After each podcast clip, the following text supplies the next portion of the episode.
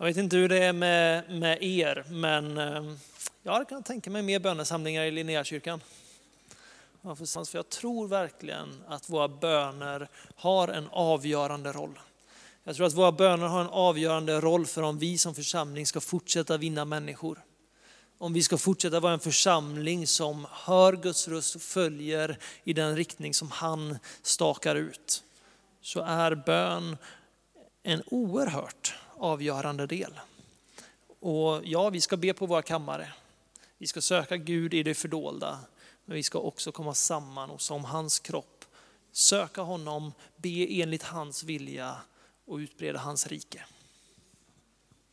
Så det kan vi förhoppningsvis ta riktning på framöver. Eh, jag tänkte en eh, fem. Så jag ska köra en, en eh, predikan, någonting som jag bara kom att tänka på i morse och sen kanske Lukas som han sitter och filurar lite här kan dra en bra låt efter sen. En bra låt som får proklamera ut vem Jesus är. Som får dra ner hans närvaro mitt ibland oss. Ingen press. Jag, jag började i morse började jag fundera på vad jag skulle predika om idag. Och ni vet hur det är nu liksom. Vart man än kommer så pratar vi corona. Det är liksom bästa icebreaker nu. Man träffar någon man aldrig träffat innan och liksom man känner att det här är lite stelt. Så är det någon som säger, men du corona, vad tycker du om det? Och så blir det liksom ett levande samtal med en gång. Därför alla har en åsikt, alla har en oro eller en fundering som är så lätt att delas, samlas kring. Eh, men jag tror också att om vi kollar på samhället, man behöver inte vara jättesmart för att se att det här har gått överstyr. Inte corona utan vår reaktion på corona. Det har blivit lite allmänt kaos. Folk plundrar i stort sett butikerna på de sista toapappsrullarna eh, för att ha, som man kan skita i två år framöver. Eh, så det, det, fin, det finns en viss ologik i det här. Eh, och min, min bön och min längtan och det är liksom så här, vårt fokus inför den här gudstjänsten har inte varit att ge mer makt åt namnet corona. Att inte liksom blåsa upp det här till att bli något större, att vi ska vara fyllda med oro eller rädsla. Bibeln säger, jag har inte räknat själv utan jag har bara hört det här så många gånger så jag tänker att det är sant. Om ni misstror mig så får ni gå hem och räkna själva. Men vad jag har hört så ska det i Bibeln stå, var inte rädd. 365 gånger. En gång om dagen så kan du läsa ett helt nytt bibelord som där Gud säger åt sitt folk att var inte rädd. Vi har sagt det flera gånger innan nu att Gud är större än den här situationen. Gud är större än eh, allt som händer i vårt samhälle så vi behöver inte duka under för rädslan och böja oss under det. Därför Gud har koll. Och det är viktigt att vi säger det, det är viktigt att vi påminner oss själva om det. För rädsla kommer inte ifrån Gud. Han är fridsfursten. Han är den som kan få lärjungarna att börja prisa Gud när han sitter fängslade för att ha gjort olagliga saker. Och det olagliga de gjorde var att de predikade i Jesu namn. Eh, men i det här också så finns det en annan grej. Det finns att vi behöver vara visa. Vi behöver vara hedrande mot vårt ledarskap, mot vår regering, mot våra myndigheter. Det är en del av vårt uppdrag. Be för dem som är i en ledande position. Var oskyldiga som duvor. Listiga som ormar tror jag det står, men oskyldiga som duvor. Vi har inte fått upprorets ande så att vi ska springa och göra saker liksom bara för att visa att här är vi. Utan vi behöver, vi behöver vishet, vi behöver Guds vishet för att kunna representera honom rätt. Och jag tror det finns eh, egentligen en eller två saker som jag tror att Gud vill trycka på väldigt mycket. Och det har egentligen kommit ifrån två grejer som jag har sett eh, ibland kristna eh, i en sån här tid och andra liknande, lite så här kaosartiga tider. Så jag tror att Gud på något sätt har en respons på. Och jag tror bara så här, i en sån här tid nu, när alla är lite nervösa, alla är lite oroliga, alla är lite på spänn, så är det oerhört viktigt att Guds folk håller sig till Guds ord. Att vi faktiskt vet vad som ligger på Guds hjärta, vet Guds karaktär och vad hans ord säger. För det är så lätt för oss i sådana här tider att vi börjar se möjligheter eller saker som passar vår egen åsikt ganska bra och vi börjar slänga ur oss saker som inte speglar Guds hjärta. Så vi behöver vara ett folk som är förankrade i Guds ord. Till exempel, Gud säger 365 gånger, var inte rädd. Att vi då bara får luta oss mot det. Okej, okay, jag behöver inte vara rädd för Gud är med mig. Gud är med mig. Men jag tror det finns två egentligen frestelser i det här. Jag vet inte om man har sett det så mycket i just den här tiden, men man har sett det så många gånger tidigare när det har varit så globala eh, fenomen som har skett, eller kriser. Att det är kristna som går ut och liksom säger att det här är Guds straff för våran ogudaktighet. Nu sänder Gud en sjukdom eller något liknande för att liksom straffa världen för att de har varit onda. Det är inte Guds hjärta. Det är inte vem, vem Gud är, att han kommer för att döma. Jesus säger det själv, jag har inte kommit för att döma världen, jag har kommit för att rädda världen. Jag tänker att vi ska gå till Bibeln för det är bra att ha det med sig. Eh, så vi kan få upp eh, Johannes 9, Emil. Det står så här. När Jesus kom gående såg han en man som hade varit blind från födseln. Hans lärare, Rabbi, vem har syndat så att han föddes blind? Han själv eller hans föräldrar? Jesus svarade, det är varken han eller hans föräldrar som har syndat, utan det har hänt för att Guds verk skulle uppenbaras på honom. Så länge dagen varar måste vi göra hans gärningar som har sänt mig. Natten kommer då ingen kan arbeta. När jag är i världen är jag världens ljus. När han hade sagt detta spottade han på marken, gjorde en deg av saliven, smorde den blindes ögon med degen och sa till honom, gå och tvätta dig i dammen Siloam. Det betyder utsänd. Då gick han dit och tvättade sig och när han kom tillbaka kunde han se. Amen. Det finns en likhet här tror jag. Jesus möter en blind man och hans lärjungar, för de har på något sätt fortfarande med sig det här religiösa arvet, liksom den religiösa förståelsen ifrån den judiska kulturen. Så de ser den här blinda mannen och de frågar Jesus, inte av liksom uppror, inte av ilska utan av nyfikenhet tror jag helt ärligt. Så frågar de Jesus, vem är det som är, har syndat? Vem är det som har gjort fel så att den här personen är blind? De behöver någon som kan bära skulden för att en annars helt vanlig person har fötts blind. Och Jesus vrider om hela perspektivet. Jesus väljer att egentligen inte svara på den frågan om vems fel det är. Utan han säger att det här har hänt för att Guds gärningar ska bli uppenbarade på honom. Jag tror inte att Gud skap, eller lät den här mannen födas blind för att han visste att om sådär en 20 år eller någonting så kommer Jesus komma och hela honom. Utan jag tror att utifrån Jesu perspektiv, så när han möter det här problemet, istället för att börja leta efter orsak och skuld, så ser han vad vill Guds rike uträtta här? Vad är Guds rikes lösning på det här? Hur kan Gud bli proklamerad i den här situationen? Och han helar honom. Sen kommer en lång efterhistoria om hur den här mannen får tas liksom inför översteprästerna och ryktet om Jesus börjar gå ut.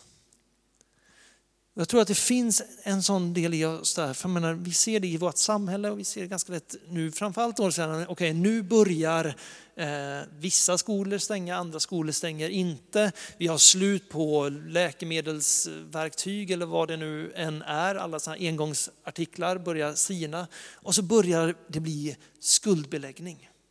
Det börjar bli en till, liksom när man försöker hitta, men vems fel är det egentligen? Hade vi inte kunnat stoppa stoppa det här tidigare och man vill på något sätt hitta en syndabock. Det är inte det Jesus är ute efter. Det är inte det Jesus ser när han ser en kris, utan han ser vad kan Guds rike få bryta igenom med här och nu. Så när vi kollar på den situation som är i vårt samhälle just nu så handlar det inte om okay, vem är det som har gjort fel, vem är det som inte bär sitt ansvar. Utan vi kan få se med Guds perspektiv, Gud vad vill du göra i våra liv, genom våra liv, i våran vardag, i vårt samhälle nu. Jag tror ärligt talat att för var och en av oss så har Gud en längtan av att vi ska få vara med och se hans rike, hans vilja bryta igenom. Även under coronatider. Men vi får inte vara de som lägger skulden, eller vi får inte vara de som i nuläget liksom klankar ner på regering och allt det vi ser är fel. Utan vi måste vara den som ser med Guds ögon. Vi kanske inte håller med om allting och det är helt okej. Okay. Vi kanske tycker att Stefan Löfven borde uttala sig tydligare eller vad det nu än är. Det är okej att tycka det. Frågan är, vad är det vi talar ut? Vad är det vi agerar på? Hade Jesus gått ut och liksom fördömt den här regeringen eller hade han gått ut och talat? Men det finns också någonting så mycket mer väsentligt i det här.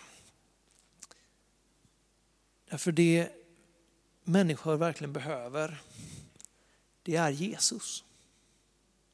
Vi vill så gärna liksom hitta orsaker eller så, eller just nu kanske fokus ligger på att amen, människor ska ha toapapper så de klarar sig. Vi vill hitta de praktiska lösningarna. Men folk är beroende av ett möte med Jesus. Där har vi ett ansvar. Där har vi någonting att få vara med och ge genom våra liv. Min önskan är att Jesu kärlek får bli manifesterad genom mig. Att när jag möter människor, när jag pratar med människor, så får det inte vara att människor går därifrån och känner sig hopplösa. Jag vill inte att människor ska gå därifrån och känna sig modlösa och tänka att ah, samhället är kaos. Utan jag vill ha varit med och visat på att jag har en tro på någon större. Någon som är kapabel till att göra någonting gott utav detta hemska. Någonting som får vara med och förvandla samhället.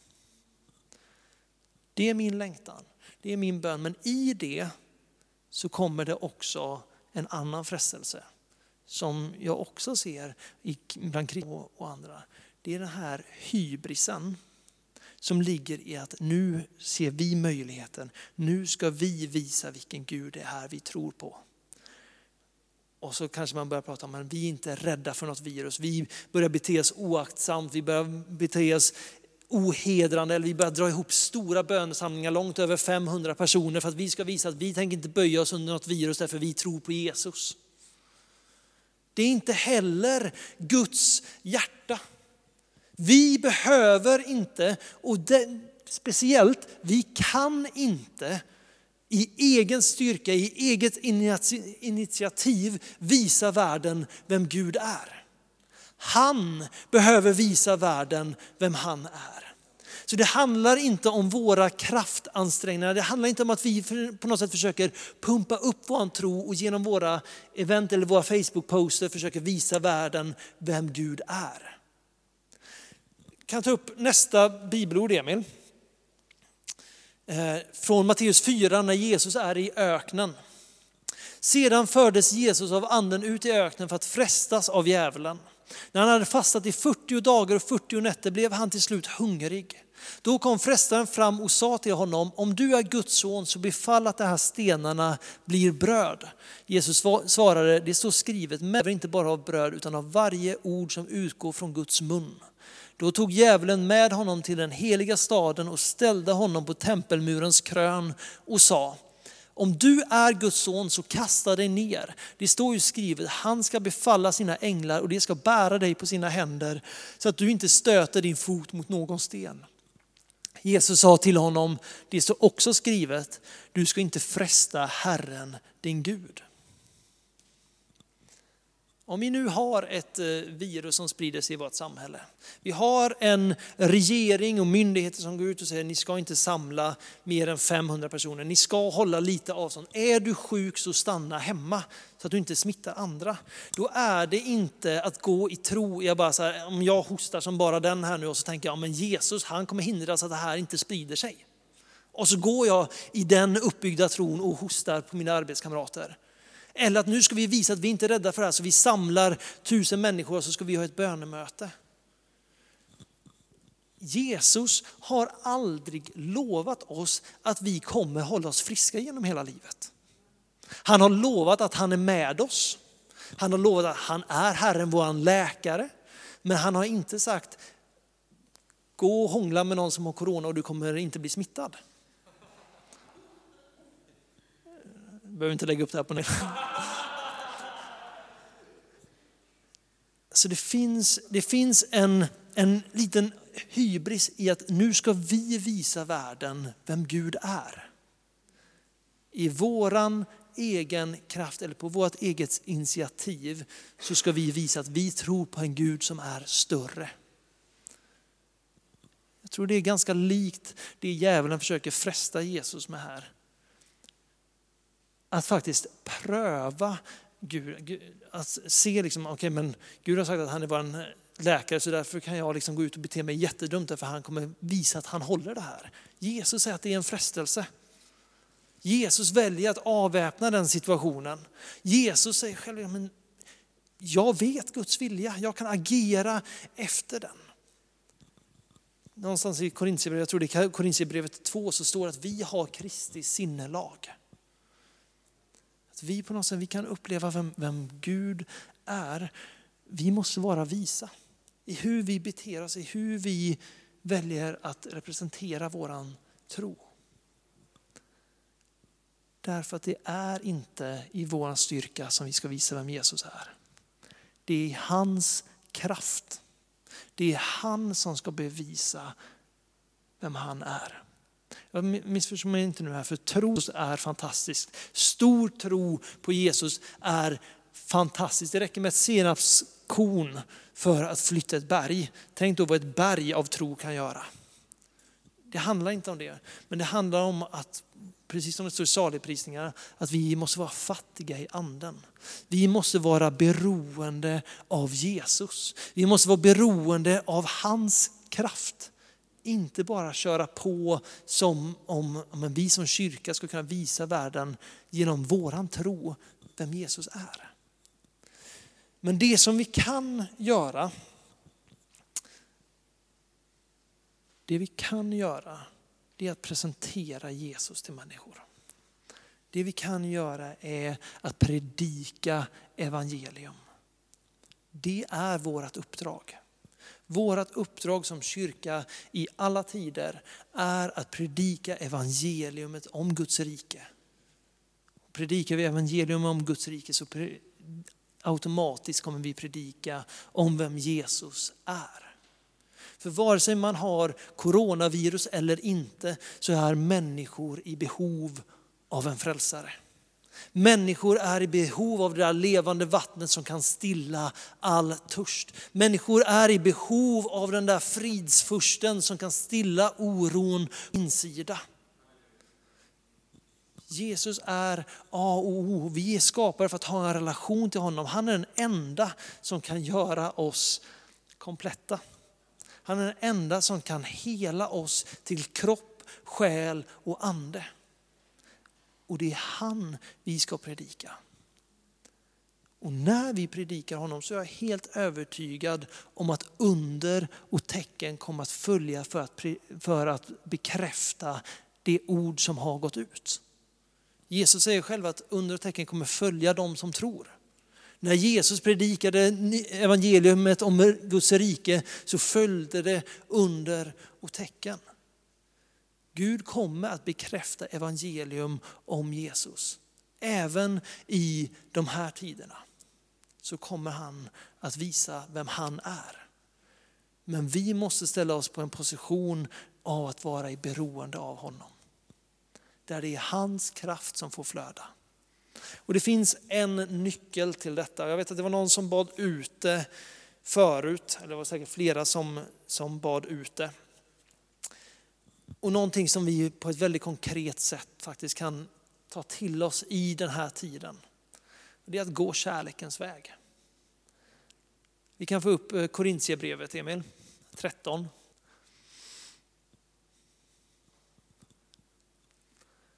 Om jag talar både människors och änglars språk men inte har kärlek är jag bara ekande brons eller en skrällande symbol.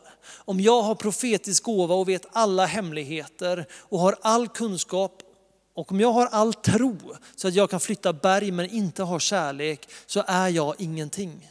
Om jag, och om jag delar ut allt jag äger och om jag offrar min kropp till att brännas men inte har kärlek så vinner jag ingenting. Kärleken är tålig och mild. Kärleken avundas inte, den skryter inte, den är inte uppblåst, den beter sig inte illa. Den söker inte sitt, den brusar inte upp, den tänker inte på det onda. Den gläder sig inte över orätten men gläds med sanningen. Allt bär den, allt tror den, allt hoppas den, allt uthärdar den. Kärleken upphör aldrig. Men profetiorna ska försvinna, tungomålen ska tystna och kunskapen försvinna. Ja, det kanske var slut där.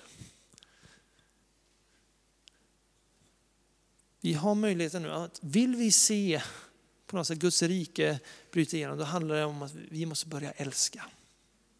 Vi måste börja älska, för vi kan ha som sagt all tro. Vi kan ha den här uppblåsta tron som säger, men nu samlas vi och så ska vi kriga i bön tills Men om inte vi har kärleken i det, kärleken till Gud, kärleken till våra nästa, så blir det där bara ett oväsen i samhället. Det kommer aldrig peka på vem Jesus är om inte vi först och främst älskar honom och älskar andra. Vi ser det i samhället just nu. Så fort det blir en liten kris så släpps hos många, inte hos alla, men hos många så släpps fokus på personen jag har bredvid mig. Det handlar om att jag måste se till så jag har mitt tryggt och säkert. Mina närmaste måste vara trygga. Eller jag måste gå till jobbet utan att jag bryr mig om den där riskpersonen eller riskgruppen som jag kanske eh, riskerar att smitta. Det blir någonting, det blir en överlevnadsinstinkt hos oss där vi fokuserar på jag, mitt och mina. Guds folk, Guds rike är radikalt annorlunda. Därför att om vi har fått uppleva att vi är älskade av Gud så har vi också kapaciteten att älska andra. Därför det vi har fått som gåva, det har vi också auktoritet att ge som gåva. Så i de här tiderna, jag tror att ska vi, ska vi lysa i det här samhället så handlar det inte om att vi ska dra ihop så stort som möjligt. Det handlar inte om att vi ska ja, men visa att vi inte är rädda eller oroliga för det här, även om vi inte är det. Utan det handlar om att faktiskt visa att jag är beredd att gå den där extra milen. Jag är beredd att ta hand om dig som kanske inte känner Jesus eller som kanske inte ens känner mig därför att jag vet att Jesus har redan gett sitt liv för dig en gång. Därför är jag också beredd att ge av min tid eller av mina resurser för att hjälpa dig. Jesus kom för att ty så älskade Gud världen. Ty så älskade Gud alla de där som bor ute på gatan just nu. Ty så älskade Gud de äldre på ålderdomshemmen. Ty så älskade Gud människorna som köar på Hemköp just nu. Att han sände sin enda son. Och Jesus säger, så som Fadern har sänt mig så sänder nu jag er för att älska människor. Jag tror att det är det mest radikala vi kan göra just nu. Att älska människor fullt ut. Jag älskar att be för sjuka, jag älskar att se människor bli helade. Men om jag inte har kärlek till personen jag ber för så kommer jag också behöva vara en skrällande symbol. Det finns någonting just nu av att vi måste börja älska. För att vara som Jesus så måste vi. För det är då Jesus blir synlig. När, vi, när människor märker att vi har en frid som övergår allt mänskligt förstånd. Vi har en kärlek som inte bara riktar sig till de som står oss närmast. Och jag säger så här nu, det här går inte bara att frammana, det här går inte bara att liksom knäppa på fingrarna och sen har jag kärlek så det svämmar över. Men ett möte med Jesus, se in i hans ögon och se hur han ser på dig så kommer du ha en helt annan kapacitet att älska andra. Så frågan är också så här, Jesus, möt, ser vi till, prioriterar vi att möta Jesus i våran vardag?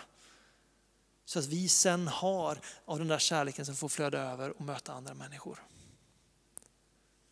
Mitt fokus måste ligga på att Jesus, jag behöver få ta emot för dig så att jag sen får gå och ge till andra. Jag hörde det förut här med i slutet av nattvarden så är det det vi ber det vi har fått att vi får gå ut och ge det till andra.